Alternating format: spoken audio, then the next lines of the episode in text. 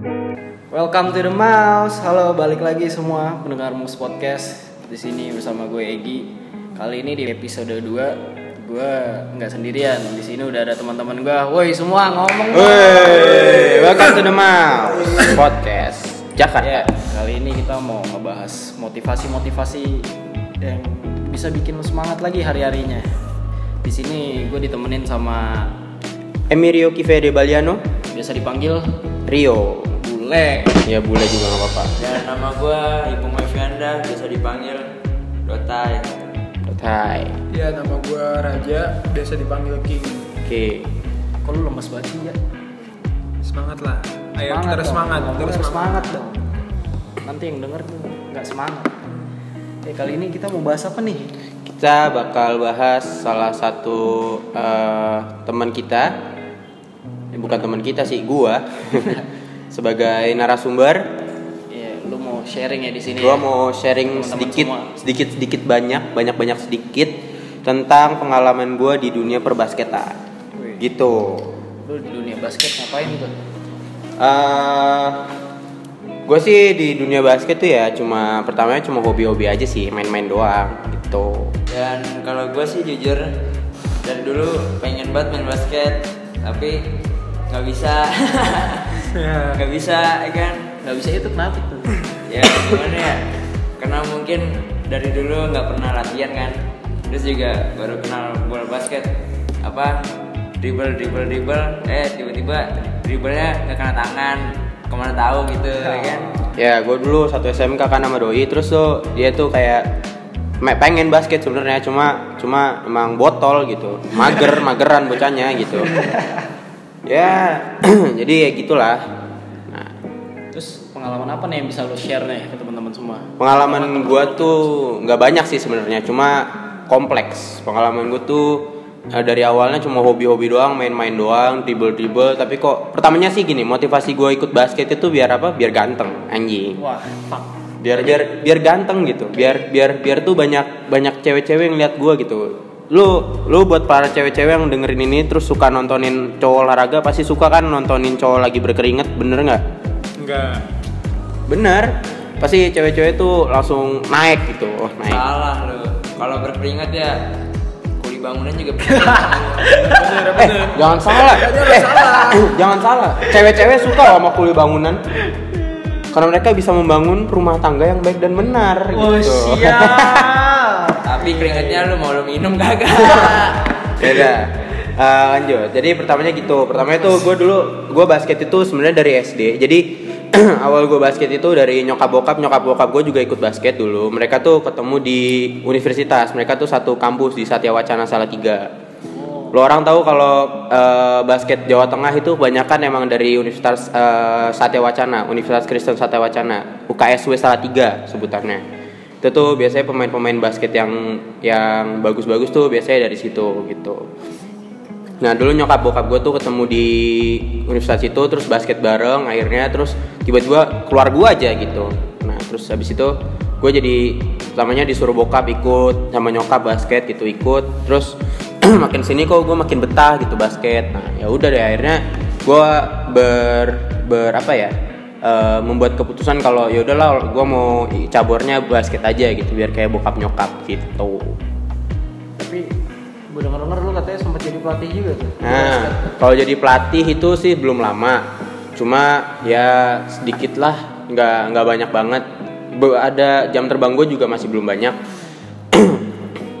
gue ngelatih itu dari tahun 2018. Itu dulu gue udah ngelatih. Berarti tahun lalu tuh ya. Ya dari tahun lalu sampai sekarang eh, 2018 gue mulai ngelatih SMP.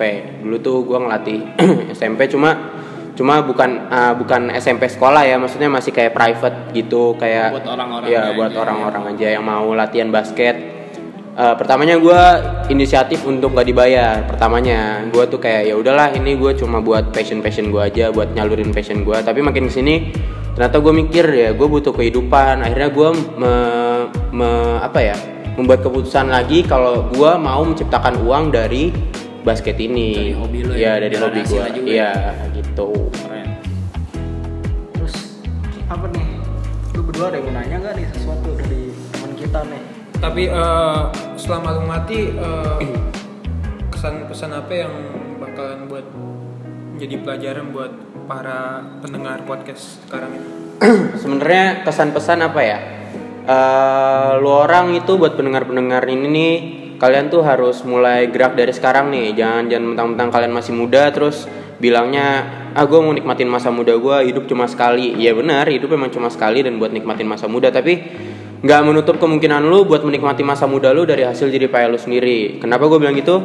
Soalnya lu nanti makin ke sini tuh lu makin merasa malu tuh gak sih? Eh, minta duit sama orang tua lu yang yang mereka tuh udah kerja dari lu SD, dari lu TK, dari lu lahir dari lu lahir sampai SD, SMP, SMA dan sekarang lu masih mau nyusahin mereka dengan eh, tangan lu yang suka minta duit itu menurut gua nggak worthy aja sih buat buat buat lu semua gitu. Jadi saran gua eh, itu cari duit lah dari sekarang dari hobi lu mulai dari hobi lu aja. Nggak usah nggak usah terlalu susah-susah dulu.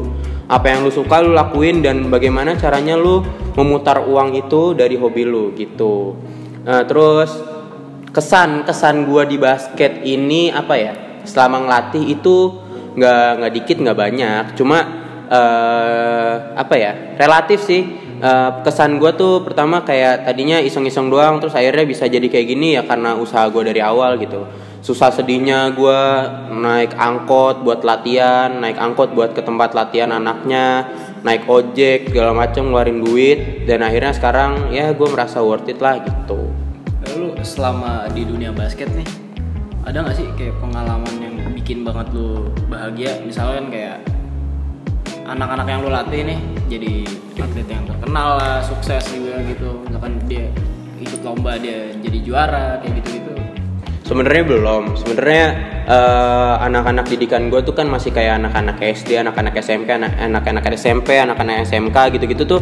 Mereka tuh masih yang kayak basket tuh. Mereka tuh masih nyari gue basket tuh buat apa sih gitu. Jadi belum banyak, belum banyak eh, ilmu yang gue kasih dan mereka terapkan di turnamen-turnamen besar. Terus pengen jadi atlet tuh belum banyak. Gue masih masih berusaha buat bikin mereka tuh cinta dulu nih sama basket gitu. baru nanemin dulu Hmm. tuh ya nanemin pikiran kalau eh basket tuh seru tahu basket tuh gimana basket tuh asik gitu jadi nggak nggak bikin mereka tuh oh basket cuma buat olahraga buat ngisi waktu luang enggak gue berusaha bikin mereka bagaimana caranya cinta basket dan men- menganggap basket itu seru gitu Eh, Oke nih, eh, yuk. Kalau latihan lu versi SD, SMP, SMK itu berapa menit? Eh, tergantung sih, tergantung. Jadi setiap setiap anak-anak dari SD, SMP, SMK itu ada batas eh, batas wajarnya sendirilah. Bagaimana eh, tenaga mereka, stamina mereka itu eh, sebagai pelatih kita juga harus mikirin nih. Kayak dari anak SD ya minimal satu jam lah having fun aja kayak fun game terus drill-drill kecil kayak cuma dribble gitu-gitu itu tuh menurut gue udah worth it kenapa soalnya anak SD itu itu tuh bener-bener fase di mana mereka itu menggerakkan diri dari yang tadinya mager-mageran di rumah yang biasanya mager-mageran main HP doang.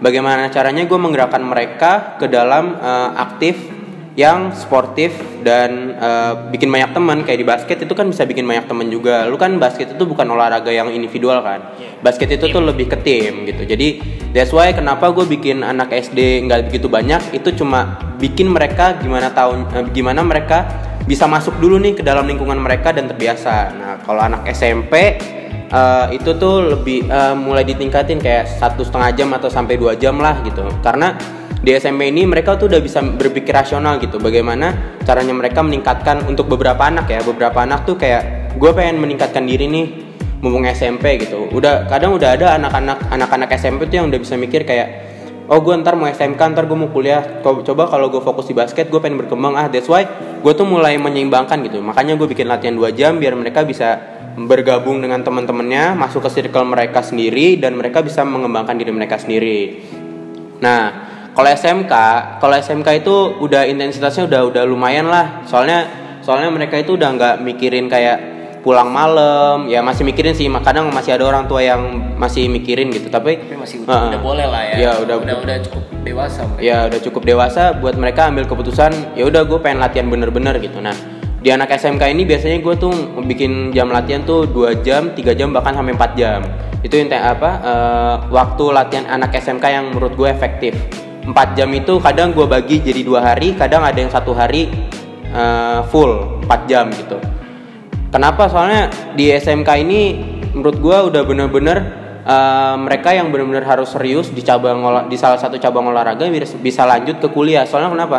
Di kuliah itu ada liga khusus yang eh, menaungi eh, cabur-cabur tertentu. Kayak liga mahasiswa. Liga mahasiswa itu cab apa eh, eh, apa sih namanya? Korporasi bukan korporasi apa ya organisasi atau instansi yang mempayungi olahraga-olahraga di eh, eh antar antar ini mahasiswa kayak antar kampus Heeh. Liga mahasiswa yang cabur basket, liga mahasiswa cabur badminton, liga mahasiswa cabur futsal. That's why kenapa di SMK gua mau uh, seriusin biar mereka bisa fokus di liga mahasiswa dan kalau mereka beruntung dan mau tetap berusaha, mereka bisa lolos ke bisa ikut IBL kah, bisa lanjut di luar negeri dan ikut NBA bisa jadi gitu-gitu sih. Le, gue mau nanya kendala lu eh, pas lagi ngelatih apa anda? Eh, kendala ya, hmm, kita ngomongin kendala nih. Kendala gue dari awal ngelatih sampai sekarang. Eh, dari awal gue mulai basket tuh eh, mulai bukan mulai basket. Eh, kita ngomongin dari awal gue mulai basket ya. Kendala gue tuh banyak pertamanya. lapangan Nah, lapangan di di rumah gue yang dulu tuh di Sentul Bogor itu banget, cuy. Iya, rumah gue di Sentul. Maksudnya gue baru maksudnya baru mulai-mulai pengen basket gitu.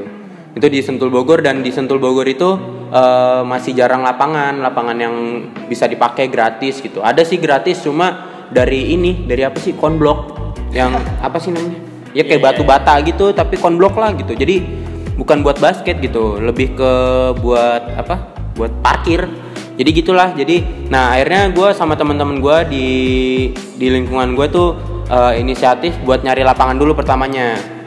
Nyari lapangan di komplek-komplek orang gitu yang kira-kira boleh lah buat masuk. Pertamanya gue nemu nih satu ada nama kompleknya R21 di Sentul lu bisa cek. R21 tuh ada lapangan basketnya tapi eh, kalau mau main situ tuh harus izin sama Pak RT-nya sedangkan Pak RT-nya rumahnya nggak di situ lu bayangin lah buset Nah, nah pertamanya tuh kendalanya itu akhirnya gue sama teman-teman gue coba cincai-cincaian lah sama satpam gitu. Pak, inilah nanti lu gua kasih uang bensin dah. Yang penting gue basket di sini nggak apa-apa ya. Jadi gitulah masih ada banyak gua ada eh, beberapa pundi-pundi uang yang gua keluarkan demi basket gitu. Karena gue di situ udah hobi gitu. Sama temen gue udah hobi. Jadi ngobrol sama satpam bla bla bla bla akhirnya boleh. Cuma dibatasin cuma sampai jam 9 malam. Pas itu tuh dari jam 7 setengah tujuh sih. Biasanya gue datang ke situ setengah tujuh cuma dibatasi sampai jam 9 terus makin ke sini makin ke sini makin ke sini akhirnya dibolehin sampai jam 10 makin ke sini makin ke sini nah ada satu waktu itu satpam pindah tempat pindah tempat tugas gitu. Nah akhirnya diganti sama satpam yang Baru. iya yang baru yang kaku gitulah. Yang kaku udah kayak BH baru. Itu tuh situ tuh eh, situ susah lagi tuh basket situ mulai susah kayak lu eh, lu harus izin sama Pak RT gini gini gini gini. Nah akhirnya gue makin susah tuh main di situ. Akhirnya udah nggak lagi main situ. Gue lama nggak basket gue terus akhirnya gue sama teman gue inisiatif buat ngomong ke Pak RT di komplek gue pas itu. Untuk eh, bikinlah lapangan basket gitu buat buat anak-anak sini soalnya anak-anak sini udah mulai banyak nih yang main basket. Itu kan. Terus eh, akhirnya dibikinin lah lapangan cuma setengah lapangan doang. Dibikinin setengah lapangan nah tapi setengah lapangan pun itu masih yang bisa dibilang kalau nilai kondisinya 1 sampai 10 ya masih tiga lah gitu. Ringnya aja. Iya buluk banget anjir. Jadi eh, lapangannya eh, apa ringnya itu dari dari apa dari seng gitu-gitu. Jadi yang apa tali tali ringnya itu masih pakai rantai. Jadi kalau apa apa bunyi gitu gitulah pokoknya. Yang kalau bola kelepas tiba-tiba masuk ke got gitu. Nah itu masih masih susah tuh. Akhirnya makin ke sini makin ke sini gue minta eh, akhirnya gue sama temen gue minta dana lagi dari Pak RT cuma nggak dikasihnya nggak seberapa. Akhirnya gue sama teman-teman gue coba nabung patungan buat eh, perbaikin lapangan itu sendiri. Eh, terus abis itu perjalanan gue dari situ akhirnya gue pindah nih lulus SMP tuh gue pindah ke Tangerang Tangerang Selatan ke Bintaro. Nah pertama awal-awal tuh emang rasanya berat banget. Gue udah bangun itu lapangan ibaratnya ya gue kayak ngebangun itu lapangan lah dari nol gitu dari lapangan yang belum ada akhirnya gue ngepush Pak buat dibikinin. Terus eh, galang dana segala macem buat renovasi dan akhirnya nyokap bokap minta gue pindah gitu. Dan itu pertamanya emang berat banget buat ninggalin itu semua emang berat. Cuma ya mau gimana daripada pisah kan segala macam akhirnya yaudah mau nggak mau gue pindah ke Bintaro. Nah sampai Bintaro jujur gue belum punya temen temen satupun karena gue bener-bener yang daftar SMK itu eh, seminggu sebelum masuk jadi gue tuh Mepet banget. iya mepet banget gitu. Eh, belum punya temen di SMK belum punya temen di rumah gue yang bener-bener kayak anak anak an- Ansos. iya ansos banget gitu. Yang tiba-tiba datang ke daerah situ terus daftar SMK terus masuk gitu. Belum punya teman apa-apa soalnya eh satu tadinya circle gue di Bogor semua kan. Nah gue pindah ke Bintaro tuh secara dadakan yang gue nggak tahu gitu. Nah ya udahlah akhirnya eh, gue pilih SMK yang paling deket dari rumah gitu jadi masuklah gue ke SMK Letris bareng Ipu. Iya bareng Ipu.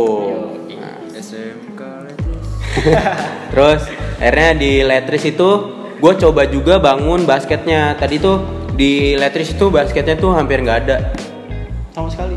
sama sekali nggak ada. Terus akhirnya gue kenalan sama kakak kelas gue yang gue kelas 1 dia tuh kelas 3 berarti kakak tingkat gue dua kelas lah gitu. Heeh. Ada nama ada namanya Deo dan Yosua gitu-gitu. Nah, gue minta bantuan mereka gimana caranya basket diaktifin lagi gitu. Akhirnya gue di situ berusaha juga sama temen-temen gue itu buat bangun ini cari pelatih, cari eh, eh, buat bikin jersey, terus beli bola sendiri, beli peralatan latihan sendiri. Sampai pas itu gue bener-bener minta izin sama sekolah buat nggak sekolah satu hari penuh buat nyari jersey di Tanah Abang buat eh, pesen jersey di Tanah Abang beli yang lusinan gitu. Soalnya kita baru bangun ini eh, tim basket tapi kita mau langsung ikut turnamen tanpa persiapan apa apa persiapan equipment belum ada segala macam. Akhirnya gue Dadakan ya? dadakan. Ya udah akhirnya mau nggak mau ke Tanah Abang cari jersey eh, cari eh, jersey lusinan dan akhirnya kita sablon sendiri segala macam. Dan itu pakai uang kita sendiri patungan sama anak-anak tim yang udah mau ikut basket lah ibaratnya gitu nah terus nggak lama setelah itu berkembang berkembang berkembang akhirnya sampai sekarang. Eh, yang Deo yang tadinya pemain sekarang jadi pelatih. Dan tapi eh, udah diganti sekarang pelatihnya gue di SMK Letris nah terus eh, abis itu eh, lanjut kendalanya itu di awal gua ngelatih di SMK Letris itu eh ya masih banyak pembiasaan lah dari pelatih sebelumnya dari sebelumnya yang tadi gue sebut Deo itu masih banyak eh, cara latihan cara latihan yang berbeda lah sama gua. Makanya gua membiasakan anak-anak gua biar bisa latihan dengan cara gua gitu. Nah kendalanya pertamanya ada di situ cuma sekarang udah mulai terbiasa. Gitu-gitu sih kendalanya nggak banyak-banyak banget sebenarnya. Cuma ya kompleks yang tadi gue bilang di awal. Sebenarnya gue basket eh, di perbasketan gue itu bukan banyak nggak nggak banyak nggak dikit tapi kompleks gitu. Tapi gue salut sih lu seniat itu gitu. dengan dengar cerita dari lo tadi tuh sampai Ya. niat banget buat bikin jersey segala macem pakai uang sendiri ngebangun di SMK lu lagi. Tapi gue pengen nanya deh dengan pengalaman lu yang banyak ini nih apa tanggapan dari orang tua lu gitu tentang pengalaman lu ini kan udah banyak banget menurut gue. sebenarnya nyokap gue itu eh, ngasih satu advice sama gue yang gue nggak pernah lupa sampai sekarang itu cuma lu mau lakuin eh, kamu mau lakuin apa aja terserah kamu asalkan kamu bisa jaga diri bisa berguna buat orang lain dan nggak nyusahin orang lain nah dari saat itu gue tuh berani buat ngelakuin apa aja kayak tadi nggak sekolah izin nggak sekolah asalkan itu nggak Selama positif. Iya selalu positif dan gak merugikan gue. Di saat gue izin pun besoknya gue nanya ada apa kemarin gitu-gitu bla bla bla bla gitu. Nah terus eh terus ya nyokap gue cuma bilangnya ya udah eh, do your best dan ya gitulah. Gue nanya nih Le sama lu Le Cara lu eh, ngontrol diri lu Kayak Apa eh, Lu komitmen nih Terus apa eh, Supaya terbiasa lah oleh basket nih Itu cara gimana Le? Oh cara gue membiasakan diri di basket ini ya maksudnya dari yang tadinya males-malesan gitu. Oke oke. Eh, jadi pertamanya itu emang awalnya tuh mager pengennya cuma ya pengennya cuma hobi-hobi aja main-main aja pengen ini terus tadi yang gue bilang ada satu titik di mana gue mikir gue basket buat beli sepatu buat beli equipment lain buat beli baju basket buat beli peralatan basket beli bola itu butuh duit Duit. Nah, butuh duit. Nah, bagaimana caranya gue bisa menggunakan menggunakan apa yang gue beli menghas untuk menghasilkan untuk membeli hal yang lain gitu makanya dari basket itu gue memutar uang gue di basket bagaimana caranya gue melatih basket tapi gue bisa beli sepatu basket dari gue melatih basket. Gitu. Nah terus akhirnya gue mulai terbiasa terbiasa dengan hal itu ya udah akhirnya sekarang jadi ya udah let it flow aja. Apa yang gue bisa bangun gue bangun apa yang bisa gue lakukan gue lakukan. Apa yang bisa gue beri gue beri gitu. Selagi itu positif dan nggak ngerusak anak orang nggak nggak bikin anak orang eh, mati gitu aja sih paling intinya. Nah nih, eh, lu pernah dibikin down gak? Dibikin down eh, gara-gara basket. Anak basket gini lah, gini lah, gini lah gitu. pernah pas SMK Gimana tuh? Gue dulu di gue dulu diintimidasi banget sama anak futsal nih salah satu anak futsalnya nih si Ipung nih Wah. temen-temennya Ipung nih dulu intimidasi gue soalnya kenapa anak basket di SMK gue Silakan baku hantam. soalnya anak basket di SMK gue itu eh, orangnya tuh dikit lah ibaratnya jadi ada di satu momen di mana gue itu dulu banyak turnamen. Jadi setiap lagi pelajaran gue izin sama guru bu saya dispen ya minta mau latihan. Bu saya dispen ya mau latihan. Bu saya dispen. Terus ada ada kata-kata yang masih gue inget sampai sekarang. Ngomongnya gini ah latihan mulu lu nggak menang-menang gitu. Ah latihan mulu lu nggak menang-menang gitu. Tapi di saat itu juga itu di, mereka tuh teriak pas lagi gue tanding di sekolah gue pas itu lagi LKS LKS itu apa sih? Lomba eh, lomba kemampuan siswa ya apa sih? Lomba apa ya? Iya pokoknya itulah lomba antar gugus gitu-gitu. Nah eh, sebagai tuan rumahnya tuh SMK gue situ gue tanding terus ada teriakan dari atas dari kan sekolah gue empat lantai ya. Ada dari lantai empat teriak ah latihan mulu lu nggak menang-menang. Lantai tiga ah latihan mulu nggak menang-menang. Tapi di situ gue sama tim gue bener-bener bayar itu semua omongan dan akhirnya gue menang di saat itu juga gitu. Juara satu tuh. Enggak, ma- lolos antar gugus. Oh. Kan masih antar gugus terus lolos buat ngewakilin gugus gitu. Cuma di situ posisinya gue udah kelas 12. Gue udah nggak bisa ikut lagi yang antar gugus soalnya kan udah mau deket-deket UN. Jadi yang lanjutin antar gugus kelas 10 sama kelas 11. Adik-adik kelas tuh. Ya ada kelas gue gitu.